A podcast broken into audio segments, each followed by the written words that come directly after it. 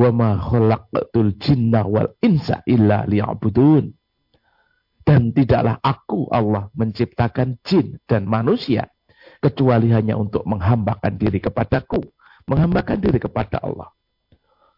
Jadi kita itu yang menciptakan Allah.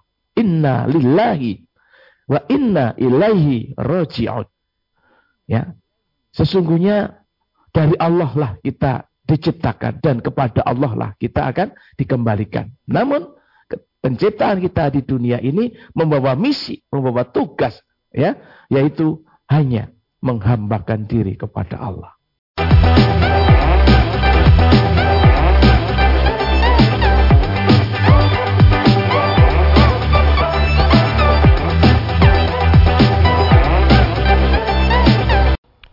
Bismillahirrahmanirrahim. Assalamualaikum warahmatullahi wabarakatuh. Saudara pemirsa channel terpilih MTA TV di mana pun Anda berada Puji syukur Alhamdulillah senantiasa kita panjatkan kehadirat ilahi Robbi Allah subhanahu wa ta'ala Atas kenap karunia nikmat dan juga rahmatnya untuk kita semua Di perjumpaan awal aktivitas pagi hari ini. Kita jumpa kembali di program unggulan Fajar Hidayah Dan Alhamdulillah kita sudah terhubung dengan Ustadz Dr. Sri Mulyana MKOM yang nanti akan menyampaikan pelajaran dan tausiahnya untuk kita semua dengan judul Muhasabah menyambut tahun baru Hijriah. Assalamualaikum warahmatullahi wabarakatuh Ustadz.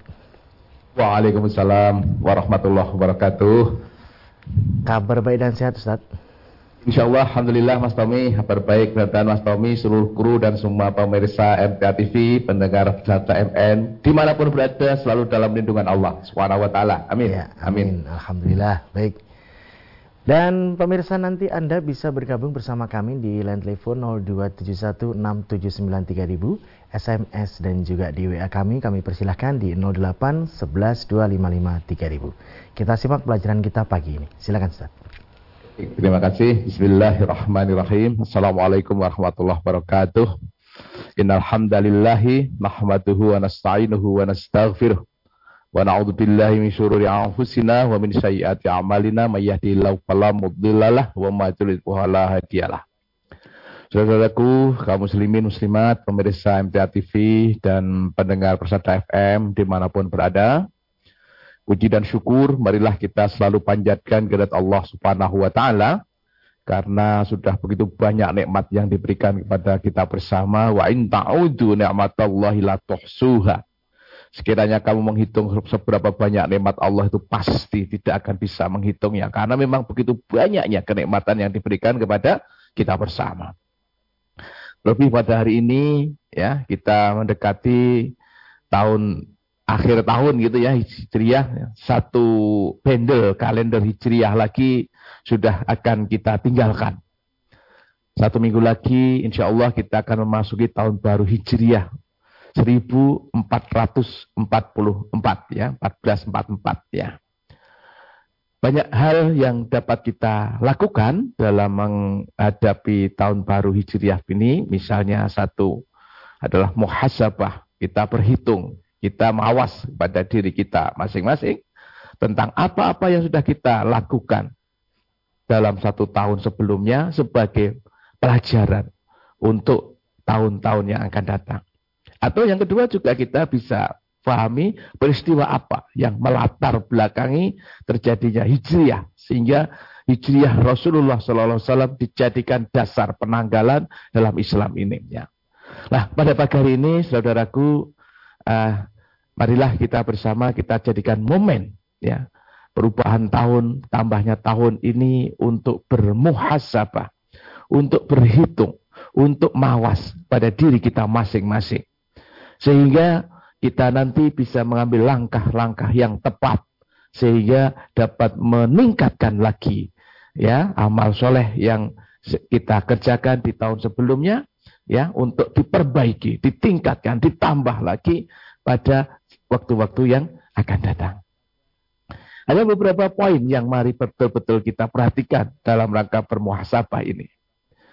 Yang pertama adalah kesadaran tentang penciptaan kita manusia ini.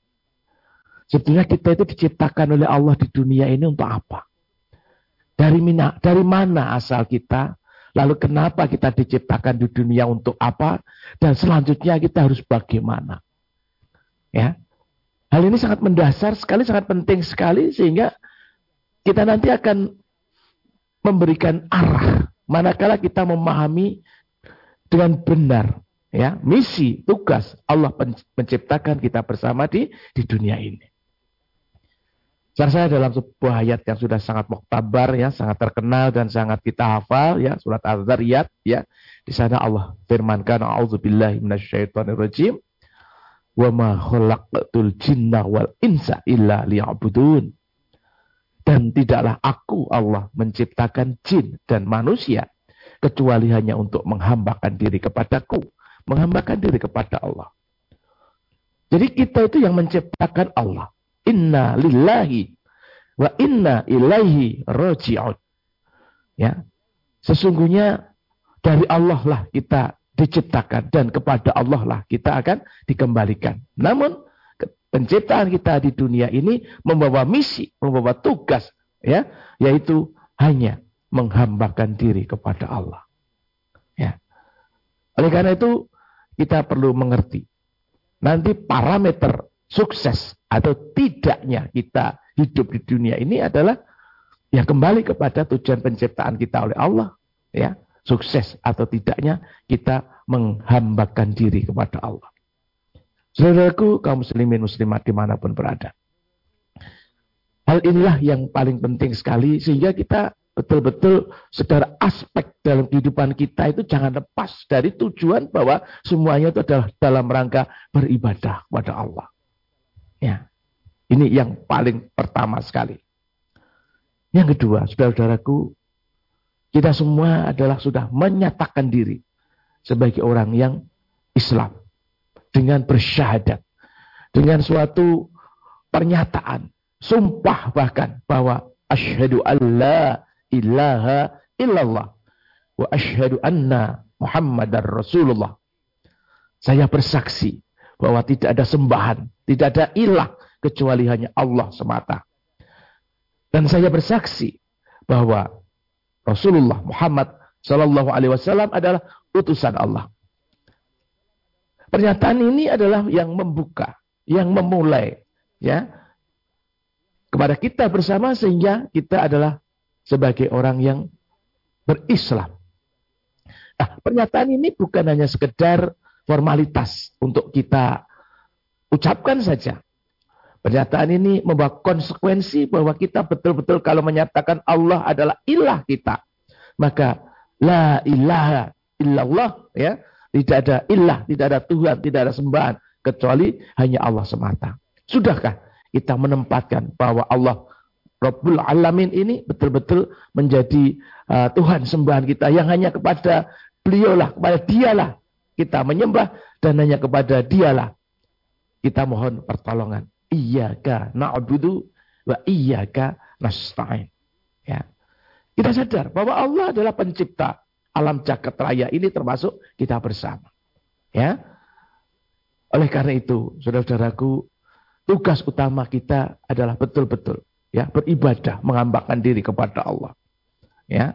Dengan sebenar-benar peribadat. Ya ayyuhallazina amanu taqullah haqqa tuqatih Wahai orang-orang yang beriman.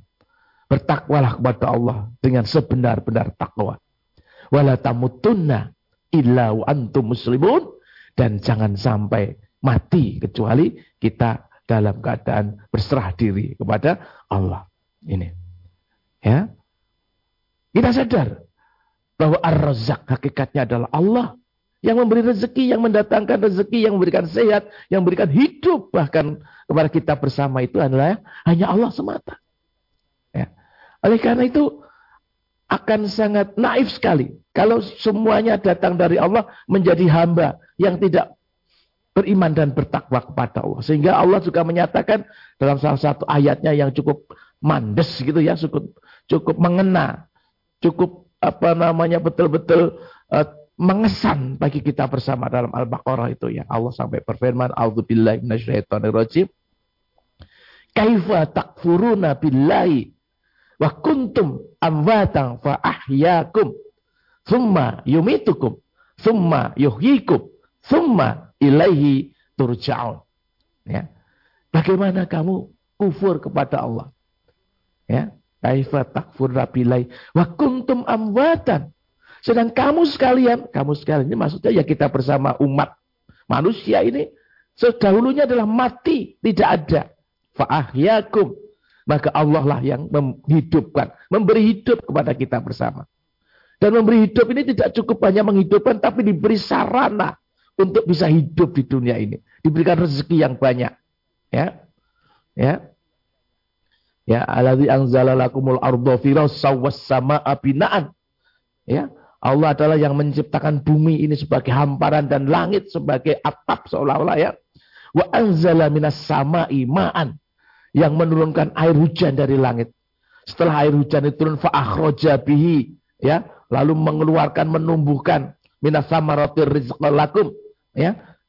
Dari buah-buahan itu sebagai rezeki kepada kita bersama. Oleh karena satu hal yang harus kita perhatikan dari kelanjutan ayat itu fala taj'alu lillahi andada wa antum ta'lamun.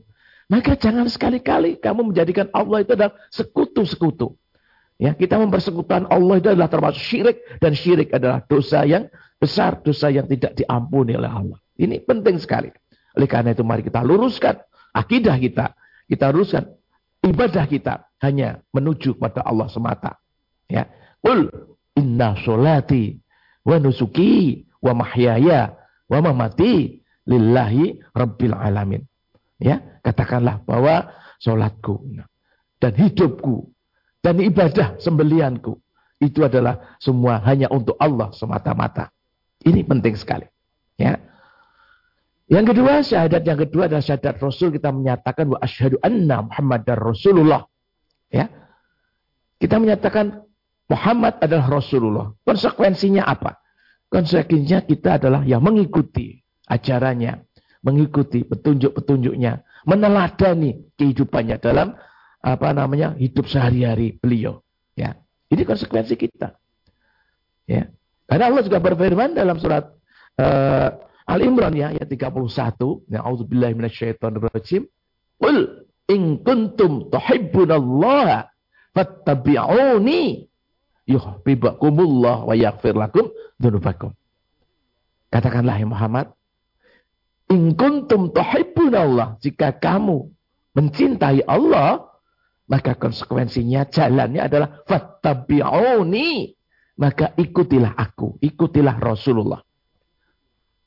Apa yang kita peroleh? Manakala kita sudah hidup ini menjadikan Allah sebagai kecintaan kita dan Rasulullah adalah ikutan kita, maka yuhibbukumullah. Allah akan mengampuni kamu sekalian, akan mencintai kamu sekalian. Wa yaghfir lakum dzunubakum dan akan mengampuni dosa-dosa kamu. Saudaraku, hidup ini kalau sudah hidup yang dicintai Allah dan diampuni dosa-dosanya, sudah hidup yang tanpa kekurangan apa pun. Ya, ini adalah kenikmatan tertinggi manakala hidup manusia itu mendapat ya ampunan dari Allah dan mendapat kecintaan yang datang dari Allah. Ini hal yang pantas dan patut kita renungkan bersama. Oke. Ya. Yang selanjutnya saudara-saudaraku bukti dari keislaman kita. Ya, dalam sebuah hadis dicatatkan bahwa yang membedakan Islamnya seseorang itu adalah as-salat. Salat. Ya, salat adalah sarana kita untuk uh, bukti ya, sarana kita untuk bermuajahah kepada Allah. Ya, menyampaikan bentuk bakti kita kepada Allah. Ya. Maka hal yang pertama kita harus tanyakan pada diri kita, sudahkah? Salat kita adalah salat yang benar mengikuti petunjuk Rasulullah. Sebagaimana sabda beliau, Sallu kama muni usolli. Salatlah kamu sebagaimana kamu melihat aku salat. Ya. Jadi salat ini mari betul-betul menjadi perhatian kita. Menjadi fokus ya utama ya yang dalam beberapa riwayat dikatakan sampai sholat ini adalah suatu ibadah yang tidak boleh ditinggalkan dalam kondisi apa pun ya selama masih ada kesadaran ya sakit ya, tidak bisa berdiri, maka sholatlah dengan duduk.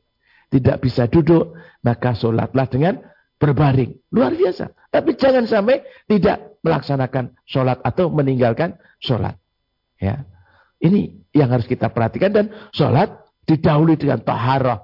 Oleh karena itu memahami taharah, memahami cara berwudu, memahami cara bersuci. Ini pun suatu hal yang penting yang harus kita perhatikan dalam uh, rangka peribadatan kita. Oleh karena itu mari, ini menjadi perhatian kita. ya Perhatian kita. Kalau kita teliti berdasarkan hadis-hadis Rasulullah yang sudah diterbitkan majelis tafsir Al-Quran itu ada sholat ke-1 sampai ke-22 itu yang tidak salah ya. Itu bisa kita pelajari lagi, kita perdalam lagi. Sehingga betul-betul sholat kita adalah sholat yang diterima oleh Allah. Oleh karena itu satu hal juga yang kita perlu bermuhasabah, saudara-saudaraku, ya, dengan sholat yang kita kerjakan. Sudahkah berdampak pada hidup kita ini? Dampak apa maksudnya? Dampaknya adalah hidupnya menjadi hidup yang tentram, tenang. Kenapa? Karena Allah berfirman ya, alladzina amanu wa tatma'innul qulubum. Yaitu orang-orang yang beriman. Maka hati mereka menjadi tentram dengan mengingati Allah. Allah bi dzikrillahi tatma'innul qulub. Ketahuilah, hanya dengan mengingati Allah lah hati menjadi tentram. Sedangkan sholat itu nanti dalam surat surat Toha ya disebutkan ya innani an, uh, Sesungguhnya aku ini adalah Tuhanmu, Tuhan Allah.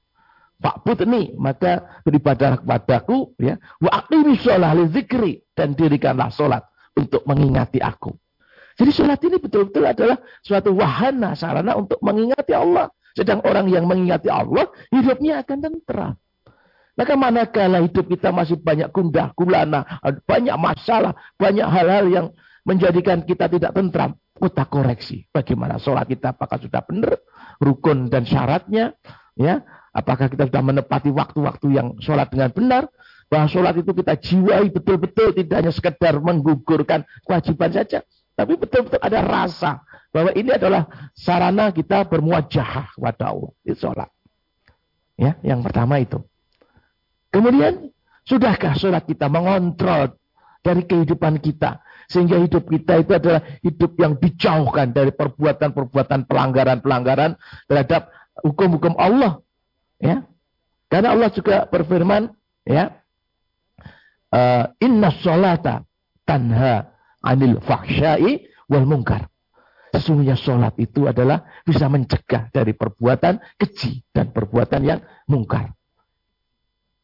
Sesungguhnya ibadah-ibadah yang kita kerjakan kepada Allah itu manakala kita jiwai dengan sungguh-sungguh akan membimbing, mendidik, mengarahkan dan membentuk perilaku kita bersama sebagai hamba ini dalam perilaku yang diridhai Allah, perilaku yang baik.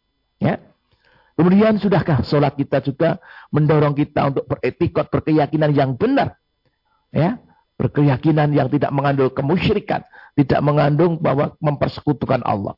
Ini pembenaran tauhid yang juga harus kita perhatikan. Ya. Masih banyak lagi sebetulnya saudara-saudaraku. Intinya mari kita betul-betul muhasabah. Kita lihat diri kita. Dalam setahun yang sudah berlalu. Ini sejauh mana kita betul-betul apa namanya eh, peduli ya. Kita ambil peduli, kita ambil hal yang dipentingkan begitu dalam hidup kita ya, dalam hal penghambaan diri kita kepada Allah karena itu adalah misi utama, tugas utama diciptakannya kita di dunia ini. Sekali lagi, mudah-mudahan ya satu minggu lagi kita memasuki tahun baru Hijriah 1444 gitu ya yang ya mudah-mudahan ke depan saudara-saudaraku dengan selalu memohon petunjuk, memohon bimbingan dan memohon pertolongan kepada Allah. Mudah-mudahan kita bisa menjadi lebih baik. Ya, karena ada sebuah makalah yang mengatakan kalau hari ini itu sama saja dengan hari kemarin, tahun ini sama saja dengan tahun kemarin, maka kita rugi. Rugi. Karena bertambahnya waktu tidak menjadikan tambah kebaikan. Ya. Lah yang paling beruntung adalah kalau hari ini lebih baik dari hari kemarin. Tahun ini lebih baik dari tahun kemarin. Artinya ada progres, ada peningkatan. Ya, itulah misi ya, selalu meningkat dalam hal kebaikan. Ya, dan yang lebih jelek lagi adalah manakala hari ini lebih buruk dari hari kemarin. Maka itu adalah akan terlaknat oleh Allah. Kali lagi mudah-mudahan dengan memohon pertolongan pada Allah, mudah-mudahan dengan bimbingan Allah, dengan kita selalu belajar. Karena jalan sukses menuju ibadah Allah kepada Allah ini adalah Allah telah memberikan kepada Rasulullah Al-Quran sebagai petunjuk, sebagai pedoman yang membawa kita semuanya sebagai umat Rasulullah Muhammad ini manakala mengikuti petunjuk Allah akan selalu dibimbing, dibawa pasti kepada jalan keselamatan. Ya, ini ya. Nah, pada dalam satu ayat itu kan dikatakan ya, ya sungguhnya ini adalah jalanku yang lurus ikutilah dia. Ya. Janganlah kamu mengikuti jalan-jalan yang lain. Maka kalau mengikuti jalan-jalan yang lain selain Al-Quran itu bikum ansabili. Pasti akan lebih jauh ya kepada Allah ya dari jalan-jalan Allah ya. Demikian Mas Tommy sebagai mukadimah kita pada pagi hari ini menyambut satu minggu lagi kita akan memasuki tahun baru Hijriah. Mudah-mudahan kita menjadi lebih baik, lebih banyak amal soleh kita dan kita bisa menjaga sampai nanti entah kapan kita dipanggil oleh Allah Subhanahu wa taala. Berkatan Mas Tami, Mas ya. Baik. Baik pemirsa, kami harapkan Anda bisa bergabung bersama kami di line telepon 0271 679 SMS dan juga di WA kami di 08 11 255 3000. Namun sebelumnya kita akan simak beberapa informasi dalam rangkaian jeda pariwara berikut ini. Baik saudara pemirsa channel terpilih MTA TV di mana pun Anda berada, terima kasih Anda masih setia bersama kami khususnya di program unggulan Fajar Hidayah pagi ini. Kesempatan pertama kami persilakan di line telepon 6793000. Halo, Assalamualaikum. Halo, Assalamualaikum. Waalaikumsalam. Dengan siapa di mana Bapak? Waalaikumsalam. Dengan siapa di mana Bapak? Dari Pak Tunggal di Klaten, Mas. Ya, silakan Pak Tunggal. eh, pertanyaan saya ini enggak eh, tidak boleh sholat eh, tiga waktu itu terbitnya matahari tengah-tengah matahari dan mau anu mau tenggelam itu sholat apa ya terus ya e, contohnya misalnya sholat pahur itu kan waktunya sewaktu-waktu sama sholat duha eh sama sholat apa itu e, tahiyatul masjid itu kan sewaktu-waktu itu kalau pas bener itu gimana ya Ustaz ya? E, gitu aja, makasih. Assalamualaikum. Waalaikumsalam warahmatullahi Waalaikumsalam warahmatullahi wabarakatuh. Jadi Pak Tunggal di Klaten ya betul ya. Ada sebuah hadis yang menyatakan tiga waktu yang dilarang mengerjakan sholat itu saat ya matahari terbit, saat matahari di tengah ya, dan saat matahari terbenam. Oleh karena itu kalaupun kita mau sholat tohur atau sholat yang lain ya nanti digeser sesudahnya gitu Pokoknya jangan jangan tepat di waktu-waktu tersebut gitu ya. Kalau pas tengah itu mungkin duhur gitu ya. Jangan pas duhur, pas tepat.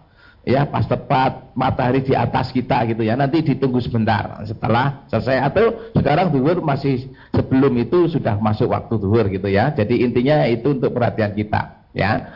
Ya, kalau matahari pas matahari terbit sholat apa ya? Karena ada sholat-sholat yang yang tidak terikat waktu namanya yang kita kenali adalah dengan sholat mutlak ya. Dasarnya apa ya? Ya tadi dari surat apa namanya Toha ya ayat 100, ayat 114 ya atau surat 14 eh, nanti bisa dicek gitu ya. Aqimi sholat zikri. Jadi dirikanlah sholat untuk mengingati aku. Jadi setiap waktu kapan pun sholat itu bisa kerjakan sholat-sholat sunnah kecuali di waktu-waktu yang dilarang gitu ya. Termasuk waktu larangan sholat yang lain itu adalah la sholata badal asri wala sholata badal subahi. Ya, jadi setelah sholat asar itu tidak ada sholat lagi dan setelah sholat subuh juga tidak ada sholat lagi. Ya, Ha? sampai waktu uh, matahari terbit kalau subuh nanti setelah matahari terbit ada sholat boleh sholat lagi ya dengan sholat duha atau sholat-sholat yang lain ya. Kalau setelah uh, asar nanti ya sampai matahari betul-betul terbenam baru masuk sholat maghrib gitu ya. Dan diikuti dengan sholat-sholat sunnah yang lain itu boleh dikerjakan ya. Jadi Ya, kita hindari saja memang waktu-waktu yang pas tepat. Kan waktu tepat itu juga tidak lama ya. Tepat itu ya tak itu lalu sudah pasti terus bergeser. Nah, kita berusaha berhati-hati untuk di waktu-waktu yang sudah disebut tidak boleh sholat itu ya jangan mengerjakan begitu saja. Ya. Ya, jadi ini bukan bukan apa mempersulit kita gitu ya. Ini mari betul-betul menjadi perhatian kita saja. Mengatakan Pak Tunggal di Klaten. Ya, baik. Kita beralih di SMS dan WA Ustaz. Siap, ya. Pertanyaan dari Ibu Siti Rohani di Hong Kong ya. Menanyakan telah terjadi telah kejadian di keluarga saya Ustaz, hamil di bawah umur, di luar nikah dan keluarga saya sudah mengadu ke perlindungan anak. Karena si kurban ini baru berusia 15 tahun. Dan yang saya tanyakan, bayi setelah lahir ditinggal di panti perlindungan anak, itu kalau menurut Islam apa akan menambah dosa Ustadz? Soalnya ibu bayi tersebut masih ingin melanjutkan untuk sekolah lagi jika setelah melahirkan nanti. Mohon tausiahnya. Iya. Baik sekali Bu Siti Rohani ya dari Hong Kong ini, masya Allah, gitu ya bisa menyimak dari Hong Kong. Jadi sebetulnya ada beberapa hal yang perlu kita ambil pelajaran dari peristiwa itu. Ya, yang pertama, ya kenapa peristiwa itu terjadi, gitu ya. Maka Islam itu sudah sangat preventif, luar biasa agama Islam itu mengatur kehidupan manusia. Ya, kepada kita bersama diperintahkan oleh Allah wala taqrabuz zina. Jangan dekat-dekat dengan perbuatan-perbuatan zina. Mendekati saja sudah dilarang. Ya. Nah, pasti ada sesuatu sehingga dalam pergaulannya salah atau apa ya melanggar begitu, melanggar tuntunan Allah, maka terjadilah itu. Nah, setelah terjadi ada masalah begitu ya. Menjadi bingung gitu ya. Maka sebetulnya preventif preventifnya Islam itu luar biasa itu ya. Kalau kita menjalani Islam dengan baik ya, insya Allah selamat insya Allah. Ya. Sekarang bagaimana kalau sudah terjadi? Ya, satu hal yang menjadi keyakinan ya kita dalam Islam ini bahwa, tidak ada bayi yang membawa dosa dari orang tuanya. Ya, kullu mauludin yuladu alal fitrah. Setiap bayi yang lahir adalah lahir dalam keadaan suci. Ya, dilahirkan oleh siapa saja termasuk hasil zina semacam ini pun bayinya tetap bayi yang suci. Kalau boleh milih, ya tentunya saya tidak mau dilahirkan dengan cara-cara yang tidak benar seperti itu, gitu ya. Ya, oleh karena itu semestinya, semestinya sebagai orang tua atau keluarga begitu ya, nanti ya yang pertama menyesali dulu, menyesali akan ke, kejadian-kejadian yang terjadi seperti itu, ya hamil di luar nikah, bahkan belum umur ini, ini sesuatu yang yang apa memprihatinkan sekali, memprihatinkan sekali. Oleh karena itu yang pertama ya perlu menyesali ya bahwa perbuatan itu adalah perbuatan salah. Ya, perbuatan yang keliru dalam agama ini. Apakah lalu tidak ada jalan keluar? Ada. Jalan keluarnya adalah bertobat dengan taubatan yang sungguh-sungguh, taubatan nasuha. Caranya gimana? Ya betul-betul menyesali dan sudah betul-betul tidak mengulangi, tidak mendekati lagi aktivitas-aktivitas itu dan mengikuti dengan amalan-amalan yang soleh, amalan-amalan yang baik. Mudah-mudahan dengan demikian Allah berkenan gitu ya. Allah berkenan ya mengampuni dosa-dosanya. Nah, yang selanjutnya terhadap anak itu bagaimana? Ya sebaiknya dibimbing, dididik dengan yang sebaik-baiknya. Ya, dibimbing, dididik yang sebaik-baiknya. Lah mau dididik tempat apa namanya perlindungan anak dan sebagainya, ya kalau memang pertimbangannya itu yang lebih baik, ya itu pilihan-pilihan saja gitu ya. Tapi mengapa tidak dibimbing oleh keluarganya sendiri, oleh neneknya atau kalau ibunya mau sekolah ya tidak apa-apa, ya tidak apa-apa. Karena sudah terlanjur melakukan perbuatannya itu sudah kacau sejak awal gitu ya, kacau sejak awal gitu ya. Oleh karena itu diperbaiki, ya diperbaiki, disesali, ditaubati dengan taubat yang sesungguh-sungguhnya. Ya, jangan sampai lagi betul-betul bersinggungan dengan kegiatan-kegiatan aktivitas-aktivitas yang bisa membuka ya membuka kejahatan-kejahatan semacam itu lagi. Ini ya, ini pelajaran untuk semuanya. Karena juga kadang-kadang kadang-kadang ya dengan kemajuan teknologi itu bisa saja menjadi korban itu hanya karena dengan Facebook, dengan karena media sosial dan sebagainya. Maka orang tua harus kontrol betul penggunaan ini semuanya kepada anak-anaknya ya, kepada anak-anaknya. Betul betul. Ini harus harus menjadi perhatian kita bersama. Ya, saya rasa demikian Mas Tommy ya. Mudah-mudahan kita mendapat pelajaran dari pertanyaan yang baru saja disampaikan. Matur ya, Baik. Kesempatan berikutnya kami persilahkan kembali di line telepon 6793000. Halo, Assalamualaikum. Halo, Assalamualaikum. Waalaikumsalam warahmatullahi wabarakatuh. Ya, dengan siapa? Di mana Bapak? Dari Pak Bunyani Singkawang, Kalimantan Barat. Pak Bunyani, silakan. Assalamualaikum warahmatullahi wabarakatuh, Pak Ustaz. Waalaikumsalam warahmatullahi wabarakatuh. Monggo, Bapak. Yang ingin saya tanyakan begini, Pak Ustaz.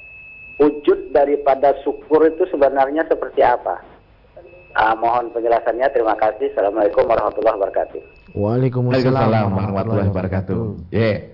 Wujud syukur itu seperti apa? Ya. Jadi yang pertama kita sadari, kita paham bahwa syukur ini adalah perintah Allah. Ya. Allah berfirman, "A'udzubillahi minasyaitonirrajim, la in syakartum la azidannakum wa la in kafartum inna azabi lasyadid." Ya. Kalau kami kamu sekalian bersyukur, pasti akan ditambah kenikmatan itu. Tapi kalau kufur, ya, maka akan diazab, ya, bahwa azab Allah sangat pedih gitu ya. Nah, syukur ini adalah terhadap anugerah yang Allah berikan kepada kita bersama. Yang pertama tentunya menyadari bahwa semua anugerah yang diberikan itu datangnya dari Allah. Allah lah zat yang maha pemberi kepada kita bersama. Kemudian apa wujud berikutnya ya? Kalau itu berupa harta, misalnya begitu, sadar bahwa sebagian harta itu ada yang bukan hak kita. Ada yang Allah titipkan kita untuk disalurkan kepada delapan asnaf, yaitu dengan membayarkan zakatnya. Itu bentuk syukur kita kepada Allah. ya Membayarkan zakatnya. Oleh karena itu, sisa yang dari yang sudah kita zakat itu adalah menjadi harta yang bersih, harta yang kita bisa manfaatkan. Oleh karena itu, kemanfaatannya pun harus betul-betul benar di jalan Allah. Ya, untuk belanja keluarga, untuk biaya sekolah anak, ya. Betul-betul dengan disadari bahwa ini rezeki dari Allah dan untuk kepentingan-kepentingan yang lain, ya sodakoh, infak dan sebagainya, ya. Yang mudah-mudahan kita bisa memberikan tabungan itu untuk kehidupan nanti di akhirat, ya. Karena pahala dari apa yang kita kerjakan di dunia ini adalah akan diperoleh nanti di akhirat, karena menurut Syekh Muhammad Abdul dikatakan dunia mazra'atul akhirah, dunia ini tentang tempat menanam untuk kita panen nanti di akhirat. Ya. Dan e, tentunya juga mengucapkan ya dengan ucapannya adalah bentuk syukurnya adalah ya memuji kepada zat yang memberi ya kebaikan kepada kita. Ya. Karena zatnya tadi Allah, kita banyak memuji Allah. Alhamdulillahirobbilalamin ya Allah, ya terima kasih atas karunia-Nya, gitu ya. Jadi uh, singkatnya kita uh, wujud dari syukur itu adalah memanfaatkan anugerah yang Allah berikan tadi adalah untuk dalam rangka beribadah kepada Allah, dalam rangka mendekatkan diri kita kepada Allah. Ya. Dalam hal-hal yang imaterial misalnya ya, diberikan kesehatan. Mari ketika kita sehat betul-betul kita manfaatkan. Ya, jangan malas-malasan bagi bapak-bapak yang waktu subuh ya, sholat subuh ke masjid, sholat jamaah ke masjid. Ya kita datangi masjid-masjid taklim dalam rangka kita sehat. Itu dalam rangka mensyukuri nikmat sehat. Ya. Jadi pada kata bahwa mensyukuri nikmat itu adalah wujud nyatanya adalah yang pertama yang berterima kasih memuji kepada zat yang memberikan eh, kenikmatan tadi. Yang kedua adalah memanfaatkan menggunakan apa-apa yang sudah dianugerahkan tadi adalah di jalan yang benar jalan yang diridhoi Allah jalan yang dituntun dalam agama kita itu. Ya kurang lebih mengatakan Mas Tami ya. Baik masih ada kesempatan di line SMS dan WA Berikutnya dari Bapak Supriyono di Batang, Ustaz. Yeah. Mohon tahu sahnya, saya punya rumah. Pada jam-jam kerja sepi, Ustaz, karena suami istri kerja semua. Waktu itu pernah dibobol orang. Setelah itu setiap saya dan istri pergi, pada pintu saya pada pintu saya pergi saya pasang tulisan mohon maaf baru keluar sebentar begitu tulisannya. Untuk mengelabui orang yang akan berbuat jahat. Tetapi suatu saat ada tamu yang tertipu dengan tulisan tersebut. Saya pergi jauh waktu itu, tetapi tulisan tersebut hanya tulisan tetapi tulisannya tersebut hanya sebentar. Sehingga orang tersebut tertipu tulisan saya. Dan pertanyaannya, apakah perbuatan saya tersebut termasuk berdosa, Ustaz? Iya, jadi usaha-usaha untuk ini namanya tawakal ya, tawakal pada Allah. Ya, jadi pernah suatu saat ada sahabat datang pada Rasulullah gitu ya, lalu ontahnya itu dibiarkan saja gitu ya. Nah, ditanya bagaimana Wah saya sudah tawakal kepada Allah. Tawakal itu adalah dicencang dulu untanya ya, diikat dulu untanya baru ditawakal kepada Allah gitu.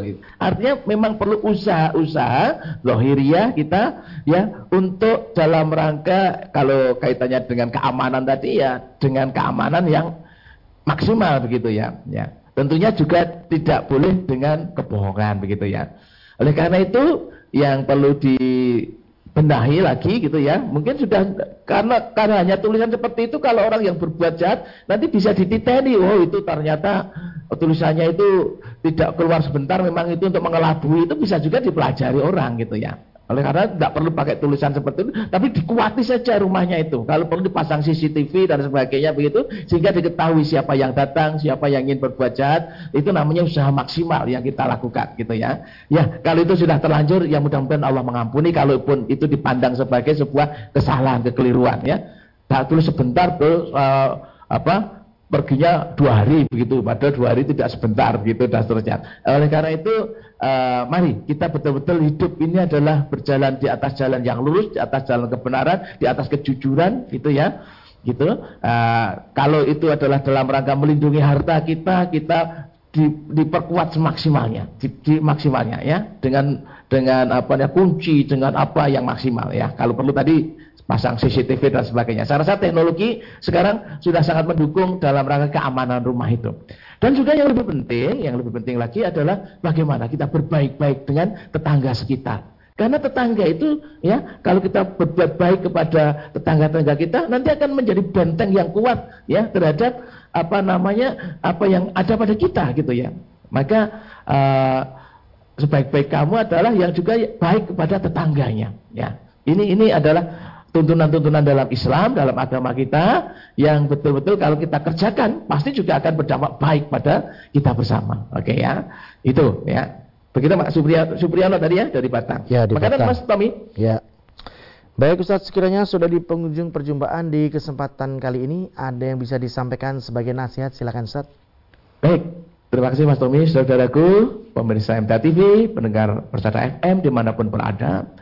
Sekali lagi sebentar lagi kita akan memasuki tahun baru Hijriah. Hal yang terpenting salah satunya ya yang kita bisa kerjakan adalah kita bisa mawas diri, bermuhasabah, menghitung-hitung dulu terhadap apa-apa yang sudah kita kerjakan pada periode tahun sebelumnya ini. Apakah di periode kita masih banyak ya kewajiban-kewajiban yang semestinya kita kerjakan namun belum maksimal kita kerjakan. Apa misalnya ya sholatnya masih bolong-bolong, sholatnya masih apa namanya belum banyak dilakukan secara berjamaah gitu ya. Kalau bagi saudara kita yang ngaji, ngajinya masih sering telat, ngajinya masih sering absen gitu ya. Maka itu adalah menjadi sarana catatan untuk kita perbaiki yang akan datang. Manakala kita sudah berada pada hal yang level yang baik, maka itu kita pertahankan dan kita tingkatkan lagi di waktu-waktu yang akan datang. Muhasabah ini sangat penting. Sampai-sampai uh, Khalifah Umar Ibn Khattab mengingatkan kepada kita, hasibu anfusakum qabla antu hasabu. Ya. Hitung-hitunglah, hisaplah diri kamu. Ya. Uh, semasa masih kita bisa menghitung di dunia ini sebelum nanti akan dihisap, akan dihitung oleh Allah. Ya. Kalau kita bisa menghisap, menghitung pada saat-saat sekarang ini, maka ada kesempatan bagi kita untuk berubah lebih baik untuk meningkatkan yang lebih baik lagi. Ya, itulah apa manfaat dari muhasabah. Ya. Maka sebetulnya kalau tadi dikatakan bahwa ada sebuah makalah mengatakan hari ini lebih baik dari hari kemarin itu ya yang beruntung. Hari itu ada uh, sahabat Al Salman Al Farisi ya mengkategorikan terlalu panjang. Hari itu adalah kumpulan dari beberapa jam. Maka boleh diperpendek. Kalau jam ini lebih baik dari jam tadi ya itu adalah beruntung. Dan yang ketiganya tadi, ada yang rugi, ada yang terlaknat tadi gitu ya. Jam itu terlalu panjang lagi, ya, menit, detik, ya, bahkan sampai setiap tarikan napas, ya. Tiap detik jantung kita ini, mari kita selalu bermuhasabah. Jangan sampai kita isi, kita melakukan sesuatu yang dalam tanda petik adalah bermaksiat kepada Allah. Ya, bermaksiat kepada Allah. Ini betul-betul harus kita hindari. Yang kedua, pelajaran yang penting dari saudaraku yang bertanya dari Hong Kong tadi ya, pergaulan. Pergaulan dan pergaulan perlu dijaga kepada generasi-generasi yang akan datang. Sangat ini sangat luar biasa ya, kebebasan-kebebasan seperti itu yang membawa hal-hal yang buruk justru ya. Penyesalan datangnya pasti di belakang, namanya penyesalan. Oleh karena itu preventif yang dibawa oleh Islam ini betul-betul mari kita gunakan. Wala takrobuz zina. Jangan mendekati, dekat-dekat pun jangan. Jangan sampai kita bersentuhan dengan hal-hal yang mendatangkan kemaldorotan itu. Melihat film-film porno, melihat link-link yang tidak baik gitu ya. Itu itu kita harus deteksi betul-betul, ya. Maka dalam Islam juga dikatakan bahwa eh, Beruntunglah kita kalau kita adalah disibukkan untuk hal-hal yang baik, ya, hal-hal yang baik. Jangan sebab kalau kita tidak disibukkan dalam hal yang baik, ya, wa ma ba'dal haq apa kalau tidak hak itu kecuali ke sebuah kezaliman, sebuah kejahatan, sebuah perbuatan dosa.